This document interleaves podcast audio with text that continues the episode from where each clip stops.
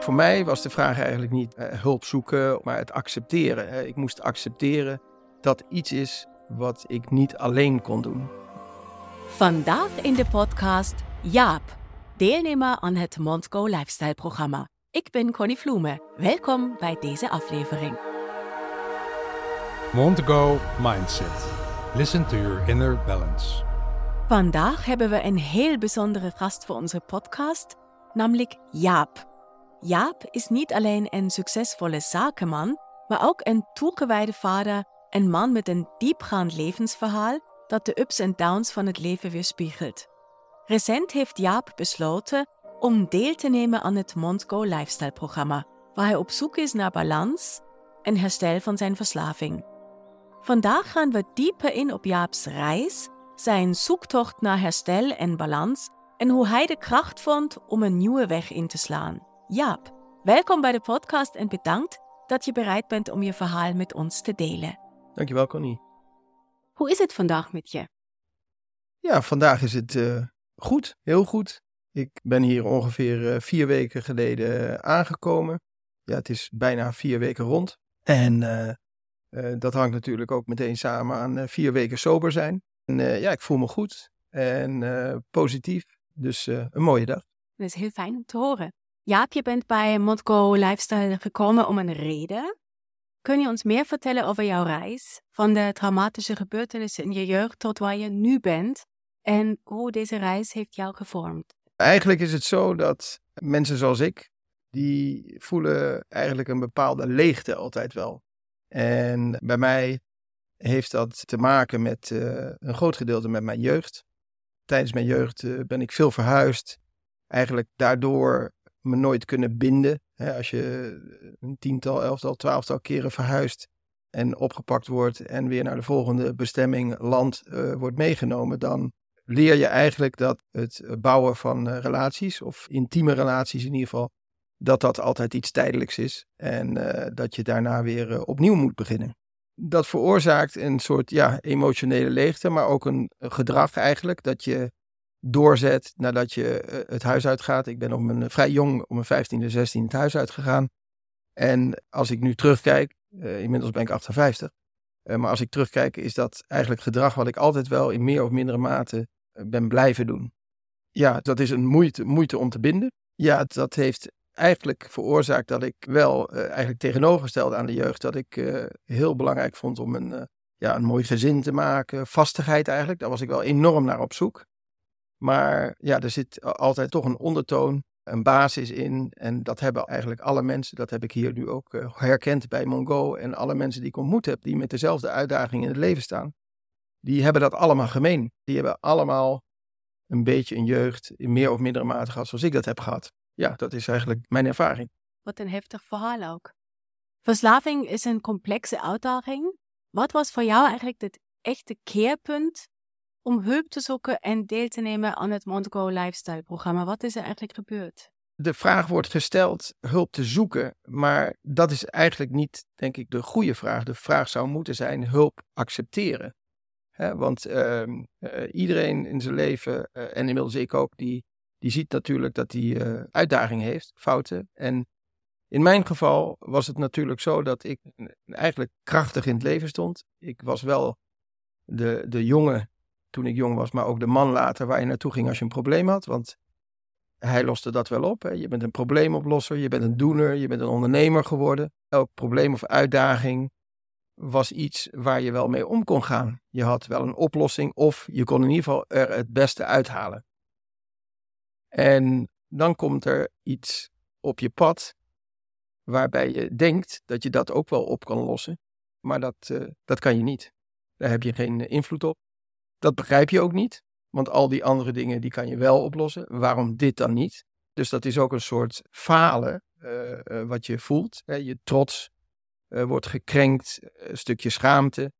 en je moet inzien dat je geen controle erover hebt. Dus het is een hulpeloosheid eigenlijk. Dus ja, voor mij was de vraag eigenlijk niet hulp zoeken, maar het accepteren. Ik moest accepteren dat iets is wat ik niet alleen kon doen. Waar ik anderen of of in ieder geval mensen bij nodig had die er meer kennis over hadden dan ik, zodat ik het kon begrijpen want dat is ook iets wat, wat natuurlijk speelt bij eh, dit soort uitdagingen. Is je, je moet het begrijpen wat je overkomt.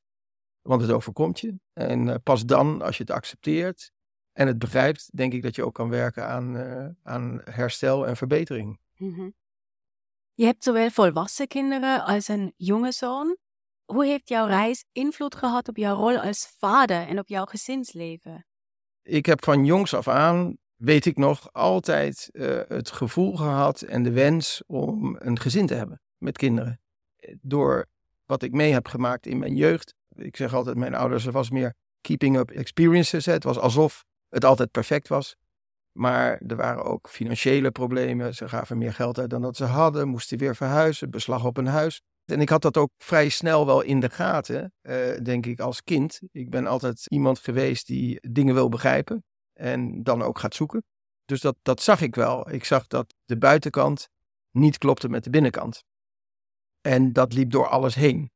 Dus wat ik van plan was en ook uitgevoerd heb, is een gezin, harmonieus, een mooi huis, een auto. En in ieder geval genoeg geld om, uh, om altijd de rekeningen te kunnen betalen. En dat is iets waar, uh, waar ik vol voor ging.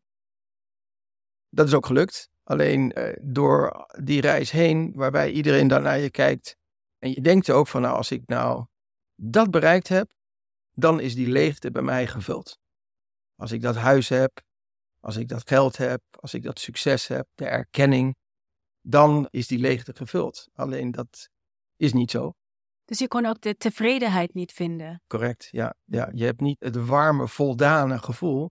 Wat je eigenlijk gewoon zou moeten hebben door er te zijn en die kinderen te hebben en dat, dat leven. Hè, dat, die leegte, dat is nou eenmaal zo. En dat is iets waar je niks aan kan doen. Dat, dat is wie je bent geworden door een opstapeling van je jeugd, maar ook je ervaringen. Ook de dingen die je zelf hebt gedaan. Hè. Je bent als mens een verzameling, een opstapeling van wat je mee hebt gemaakt. Als je dan uiteindelijk 40 bent en je verkoopt je bedrijf, wel in een moeilijke fase van een scheiding, en dan heb je eigenlijk, denk je, alles wat je wilt, en dan toch is het niet goed genoeg. Ja, want vaak dan denk je, ja, ik heb echt heel veel en het gaat goed. En anderen die veel minder hebben, zijn misschien veel gelukkiger en voelen niet die leegte. Hoe kan dat dan? Hè? Ja, precies. Ja. Dat is het. Ibiza, waar jij woont, staat bekend om zijn schoonheid en levensstijl, maar natuurlijk ook uh, kan het uitdagingen met zich meebrengen. Hoe heeft jouw omgeving jouw herstel beïnvloed?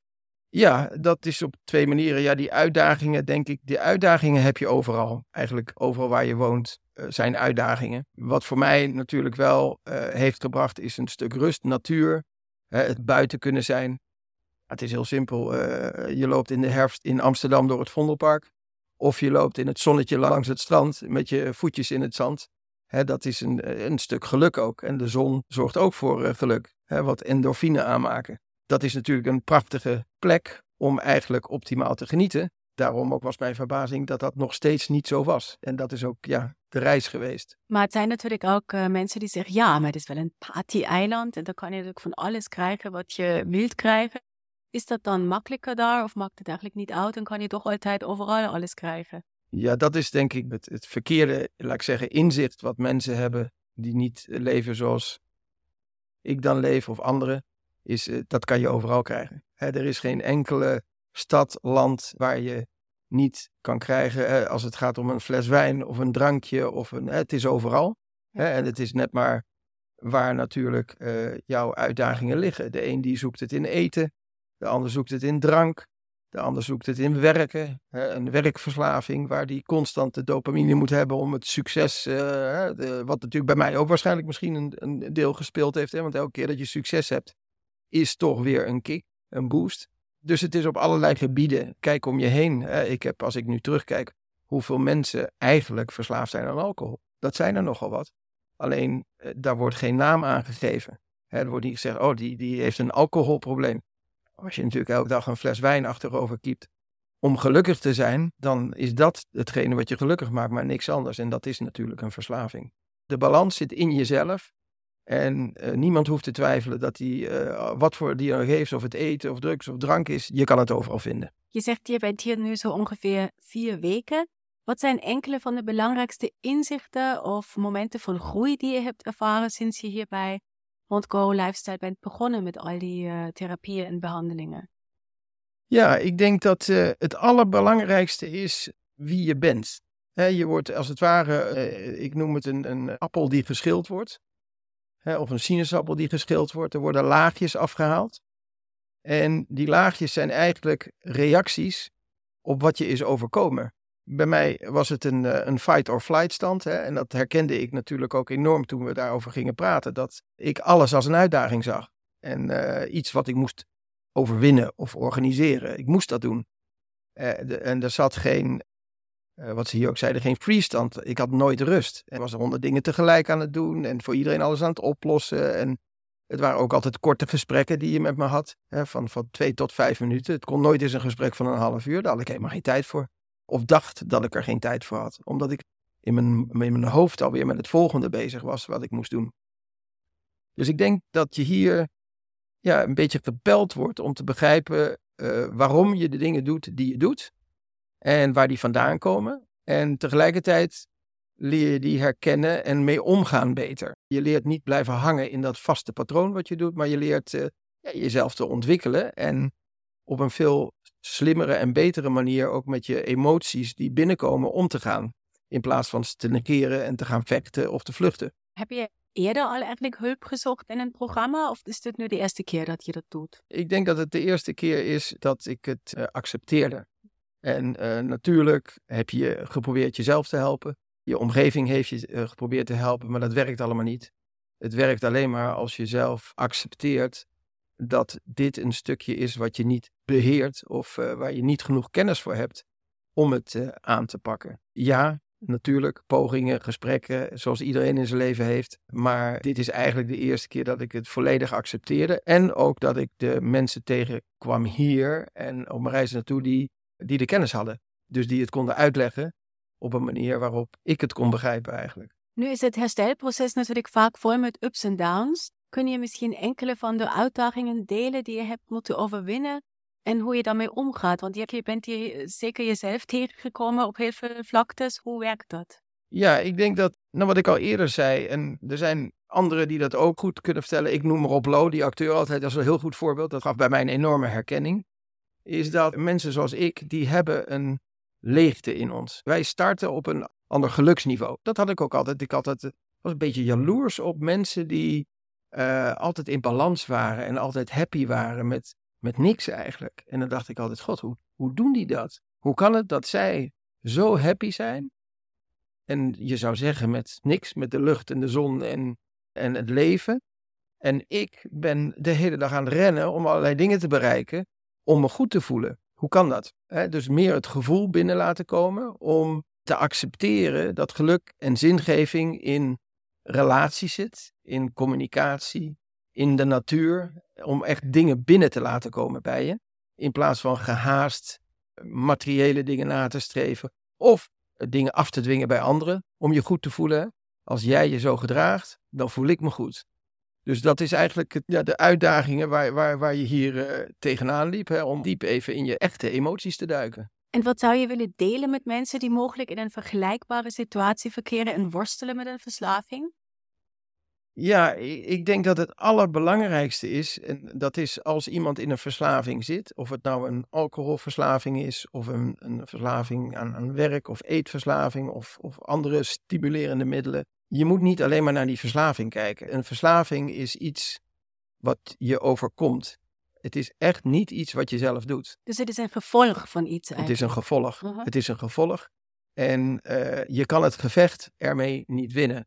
Niemand heeft genoeg willpower om te stoppen met zijn eigen krachten, zeg maar. Dat kan niet. En dat is ook wat je ziet natuurlijk om je heen. Waarom eet iemand zoveel tot hij 300 kilo weegt? Ja, daar zit geen logica in. Dat is gestoord, krankzinnig gedrag. En datzelfde geldt met alcohol. Waarom elke dag dronken? Of waarom elke dag verdoven met stimulerende middelen? Dat doe je niet omdat je dat leuk vindt. Dat doe je omdat je geen andere oplossing denkt te hebben op dat moment. En dus op wilskracht niet doen dus mijn advies, of wat ik zou willen delen meer, is kijk naar je omgeving. Neem jezelf niet te veel kwalijk. En ga ook niet de oplossing bij jezelf vinden, die vind je niet. Mensen moeten je helpen die er meer kennis van hebben, die het kunnen uitleggen. En dat heb ik hier gehad vier weken geleden. Zodra dat bewustzijn bij je komt. En soms is dat ook wetenschap. Bij mij bijvoorbeeld een voorbeeld is een uh, lezing van Els Noorlander Dat is een professor met kennis van, van lifestyle en van uh, addictions. Die uitlegde hoe je receptoren werken. Waarom je je zo goed voelt als je drinkt of als je hè, andere dingen doet die een goed gevoel geven. En als je dat eenmaal begrijpt, en dat is gewoon wetenschap, dan snap je ook veel beter waarom je zelf in bepaalde situaties uh, reageert. Hè? Waarom verdoof je dat met een fles wijn? Hè? Nou, dat is daar, omdat je receptoren niet goed meer werken. Dus, dus het heeft een hele, ja, ja bijna wetenschappelijke soms uh, antwoord kan je erop geven. Maar als je dat niet weet, dan denk je dat het aan jezelf ligt en dat je niet genoeg je best doet. Ja, maar eigenlijk ben je gewoon ziek. Dat is het. Dat is het. Het is een ziekte. Herstellen. Ja, het is een ziekte. Ja. die je moet begrijpen, maar datzelfde geldt voor andere ziektes ook. Als jij, zeg maar, tyfus hebt. ik heb tyfus als kind twee keer gehad. Of je hebt uh, een, een, nierziekte. Moet je hem ook willen begrijpen. dan wat is er dan mis met mijn nier? Hoe is dat gekomen? En wat kan ik eraan doen om toch nog een goed leven te hebben, ondanks dat ik maar één nier nog over heb of nierdialyse of wat dan ook. Ik denk dat je het wil begrijpen om het beter te kunnen laten worden. Heb je nieuwe manieren van zelfzorg en welzijn ontdekt die nu een rol spelen in jouw dagelijks leven?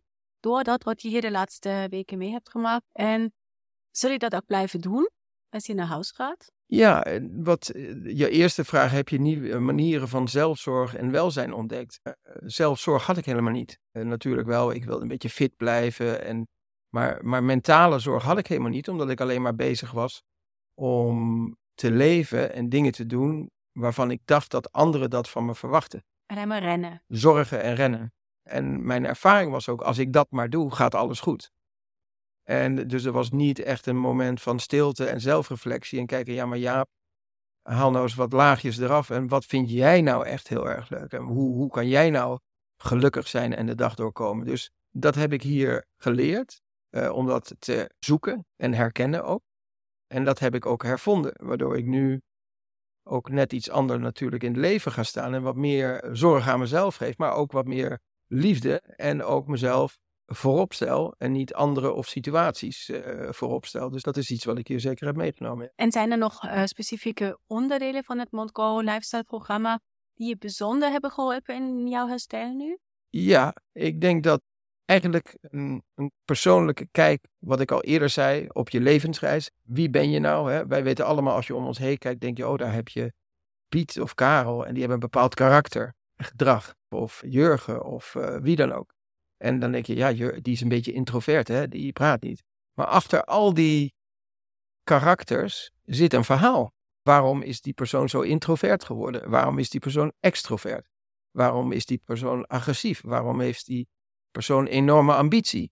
dat zijn niet dingen die je als baby, daar word je niet mee geboren. Dat, dat zijn uh, zaken die je ontwikkelt.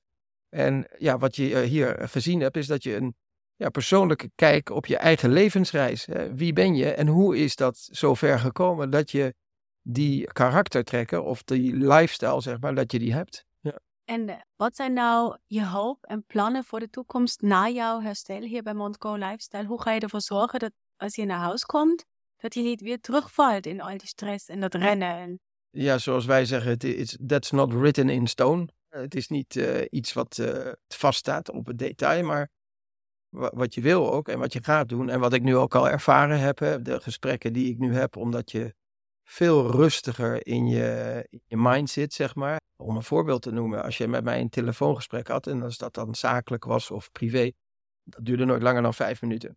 Want ik had daarna nog zes andere dingen die ik moest doen. En als ik dan met het ene ding bezig was, was ik al met het andere aan het voorbereiden in mijn hoofd. En daar kan ik niet zoveel aan doen, omdat ik altijd een heel druk baasje ben geweest. Dus er was ook altijd heel veel te doen. En nu merk ik al, nu ik heb gezegd, nee, ik moet mezelf even voorrang geven. En ik ga niet meer alles doen voor iedereen. Dat doe ik niet. En dat resulteert nu al in gesprekken die veel langer duren. Ik heb nu telefoongesprekken van 40 minuten, 45 minuten. Ik kan je zeggen, dat heb ik in mijn mijn leven niet gehad. Dat is nieuw en dat is geweldig, want de andere partij waar ik mee spreek, en of dat nou een familielid is of, uh, of anders, die valt dat ook op. Die zegt ook, uh, ja, wat ben je rustig. Wat een fijn gesprek is dit. En ja, dat is omdat ik luister en het de tijd geef om, om het gesprek echt af te maken hè, met diepgang en met, waarbij ik de ander ook de ruimte geef om echt alles te vertellen wat ze willen vertellen. En niet interrumpteren omdat ik zeg, nou, het, eh, ik moet weer door. Want ik moet nog een belletje doen of een ditje of een datje. Dus dat- ja, dat is de hoop en de plannen. Eh, Ik ben wel iemand die niet... eh, ik ga niet achter de geranium zitten. Eh, Ik ben niet iemand die eh, de hele dag wil golfen en lunchen. Dus ik blijf ondernemen. Ondernemen is een passie voor mij. Maar als ik nu ga ondernemen, dan doe ik het vanuit passie. Doe ik het wat ik leuk vind. En doe ik het alleen nog maar met mensen waar ik eh, mee op dezelfde golflengte. En die mij ook de ruimte geven om eh, mezelf te zijn. En niet, eh, niet waar het een gevecht mee is om, om iets mee te doen. Dus dat zijn een beetje de, de voornemens. Maar mijn focus zal zijn op mijn gezondheid en mijn gezin. Gesproken over jouw gezin, is eigenlijk ook rekening gehouden met je gezin in al die tijd die je hier was? Werd er ook gesproken met iemand thuis bijvoorbeeld? Of werden die ook betrokken? Ja. Ja, ja, die, ja, je gezin is natuurlijk al betrokken. Omdat je natuurlijk het gevolgen van je, eh, de gevolgen van je gedrag zijn niet altijd positief. Ehm, dus ze zijn er eigenlijk al bij betrokken omdat ze gezinsleden zijn. Ik denk dat dat eh, alleen maar een positieve werking heeft. Omdat zij zien dat als eh, ze zullen het, het resultaat zien zeg maar, van, van de reis die ik hier bij Mongo gemaakt heb. En ja, daar kan je alleen maar als gezinslid ook ontzettend blij mee zijn. Omdat je een betere echtgenoot en betere vader eh, terug zal zien. Je hebt natuurlijk mij verteld dat je eerder ook al ergens bent geweest voor een programma. Ehm, dat was niet zo kleinschalig als het bij Montgo is. Hoe, hoe verhoudt zich dat? Hoe werkt het ene, hoe werkt het andere en wat werkt eigenlijk voor jou? Ja, dat is een hele goede vraag. Nou, als je vraagt eh, hoe werkt dat voor jou, dan kaats ik hem terug. Ik denk voor iedereen. Ik denk dat eh, mijn ervaring, ik heb ooit 10, 12 jaar geleden eenzelfde poging gedaan, zeg maar. En dat was grootschalig, wat onpersoonlijk. En mijn ervaring daar kan ik samenvatten als dat het eh, niet gelijkwaardig was. En ik denk voor mensen eh, zoals ik, gelijkwaardigheid heel belangrijk zijn. We- betekent dat als je een uitdaging hebt, een verslaving of iets anders, een lifestyle probleem, burn-out of wat dan ook, betekent niet dat je dom bent. Eh, je bent nog zo intelligent en slim eh, als ieder ander, alleen er zit iets in je leven, is er gekropen wat je niet onder controle hebt. En je begrijpt niet waarom je dat niet onder controle hebt. Dus het grote verschil is dat eh, hier bij Mongo echt persoonlijke aandacht wordt gegeven op basis van gelijkwaardigheid. Er is geen moment van eh, neerkijken op je of, of, of verbeterend. Het is puur en alleen naar de mens kijken, warmte, eh, begrip. Wel die appel schillen. Hè, die appel wordt wel geschild, hè, beetje bij beetje, maar dat moet ook, want je moet tot de kern komen om het te kunnen verbeteren. Daarnaast, de kracht die ik ook vond, is het, het, het mengen van, van mentale steun, hè, mentale hulp en, en spirituele ontwikkeling maar ook fysieke. Voorbeeld is hier, Mongo werkt met eh, een Juan Lu. Dat is een soort, eh, ja, ik noem het een geniale eh, breathing coach, hè, die, die met je ademhaling werkt. Want ik ben helemaal niet een yoga-type, dat, dat werkt ook niet bij mij. Ja. Ik heb het wel eens geprobeerd, maar, maar deze man die, die bekijkt de ademhaling en verbindt dat met je hele lichaam, met je ribbenkast, met je spieren, met, met alles. En daardoor leer je niet alleen beter adem te halen, maar in mijn geval bijvoorbeeld dat je veel dieper ademhaalt. Dus ik haal veel meer zuurstof nu binnen door eh, de technieken die, eh, die hij eh, je kan overbrengen. Hij doet dat bijvoorbeeld ook, heeft hij dat gedaan voor Cirque du Soleil. al die artiesten daarin die, die op allerlei manieren in die touwen hangen. Waarbij natuurlijk spieren, ademhaling en dergelijke heel belangrijk is. Dus dat zijn specifieke dingen waar je heel veel van leert. En ja, heel veel aan hebt. Ook in combinatie met appelschillen wat ze doen van, Ja. je, van je persoon. Ja. Dat is echt fantastisch. Ik heb ook met hem gesproken. Hij is ook nog klarinetist. Hij is gewoon muzikant. Hij is Ja. gewoon waanzinnig. Ja. En ik vind het leuk dat hij op die manier mensen kan helpen. En hoe hij eigenlijk vanuit een eigen issue die hij had, heeft hij iets bedacht. Wat Ja. fantastisch werkt. Nee, dat is zo. En de connectie ook, dat, eh, dat is eigenlijk nog een van de belangrijke dingen waar we het niet over gehad hebben, is dat je weer beter leert connecten met mensen. Ja. Ik was altijd in de veronderstelling dat ik niet zoveel mensen nodig had. En dat was ook zo. Om mijn doelen te bereiken had ik juist wat minder mensen nodig, want vaak zaten ze eigenlijk in de weg van wat ik wilde bereiken. Ja, dat veroorzaakte eigenlijk dat je had wel wat contacten en interactie, maar dat was ja, toch wel oppervlakkig en snel. En een paar goede vrienden heb ik nog steeds gelukkig. Maar hier, wat ik nu weer geleerd heb, is dat het leuk is om nieuwe mensen te ontmoeten. En hun verhaal te horen en dat te delen. En dat was echt compleet weg. En heel lang, hè, want ik ben 58, dus dat is heel lang weg geweest. En ja, dat is ontzettend leuk. Ik ben nu weer geïnteresseerd in iemand als ik die ontmoet. En om het verhaal te horen en, en uh, ook mijn verhaal te kunnen delen. En elkaar te leren kennen. Iemand zoals Juan Lou, inderdaad. Prachtig. Ja. Ja, je had je ook uh, verteld dat je een andere vader tegen bent gekomen. Dat je meteen die connectie voelt. Ja. En ik denk het is ook fijn dat je weet dat je niet alleen bent. Dat er nog meer mensen dit hebben. Ja, ja, ja. eens. Wat betekent het voor jou nu om jouw verhaal te delen en anderen te inspireren om hulp te zoeken en hun eigen reis van herstel te beginnen, Ja. Ja, het, uh, het werd mij natuurlijk gevraagd en ik kan me voorstellen dat uh, het hangt van ieder individu af, ook de fase in je leven waarin je zit. Ik denk, en ik herken nu uh, met name de reactie eigenlijk bij mijn kinderen die ik gezien heb, maar ook mijn partner denk ik dat het ja, belangrijk is om in ieder geval voor mij om te delen, zodat uh, ja, mocht er ergens een vader in dezelfde situatie zitten, met ook kinderen die naar hem opkijken en denken, oh pap, wat ben je in hemelsnaam aan het doen? Ja, te overtuigen om te stoppen, om proberen zelf te stoppen, zeg maar, maar om uh, ja, het te accepteren en, en hulp uh, te vragen, zonder schaamte, zonder schaamte en met trots gewoon hulp te vragen en ik denk dat dat voor mij de grote motivator is om, uh, om uh, hier met jullie aan mee te werken. En natuurlijk het goede resultaat. Ik ben uh, nu vier weken hier en ja, ik ben ontzettend dankbaar voor waar ik nu ben. En ik kijk er weer naar uit om, om gewoon een hele mooie nieuwe gezonde fase van mijn leven in te gaan. Waarop verheug je je nou het allermeest als je straks naar huis komt?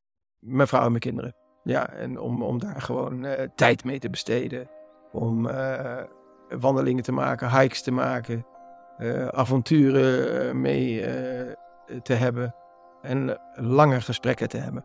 En te luisteren en te kijken waar, waar, waar we samen zeg maar, gelukkig van worden. Ja. Dankjewel Jaap voor het delen van jouw oprechte en vooral inspirerende verhaal. Jouw reis van trauma naar herstel en balans is een bron van kracht en hoop voor velen, daar ben ik echt van overtuigd. We waarderen jouw openhartigheid en moed om je verhaal te delen. Voor onze luisteraars onthoud dat er altijd hoop is en dat herstel mogelijk is, zelfs in de meest uitdagende tijden. Laten we samen streven naar een leven in balans en welzijn. Tot de volgende aflevering van Montgo Mindset. En mocht je nu denken, ik doe het, ik ga nu hulp zoeken, ik ben zover, neem dan contact met ons op via www.montgolifestyle.com.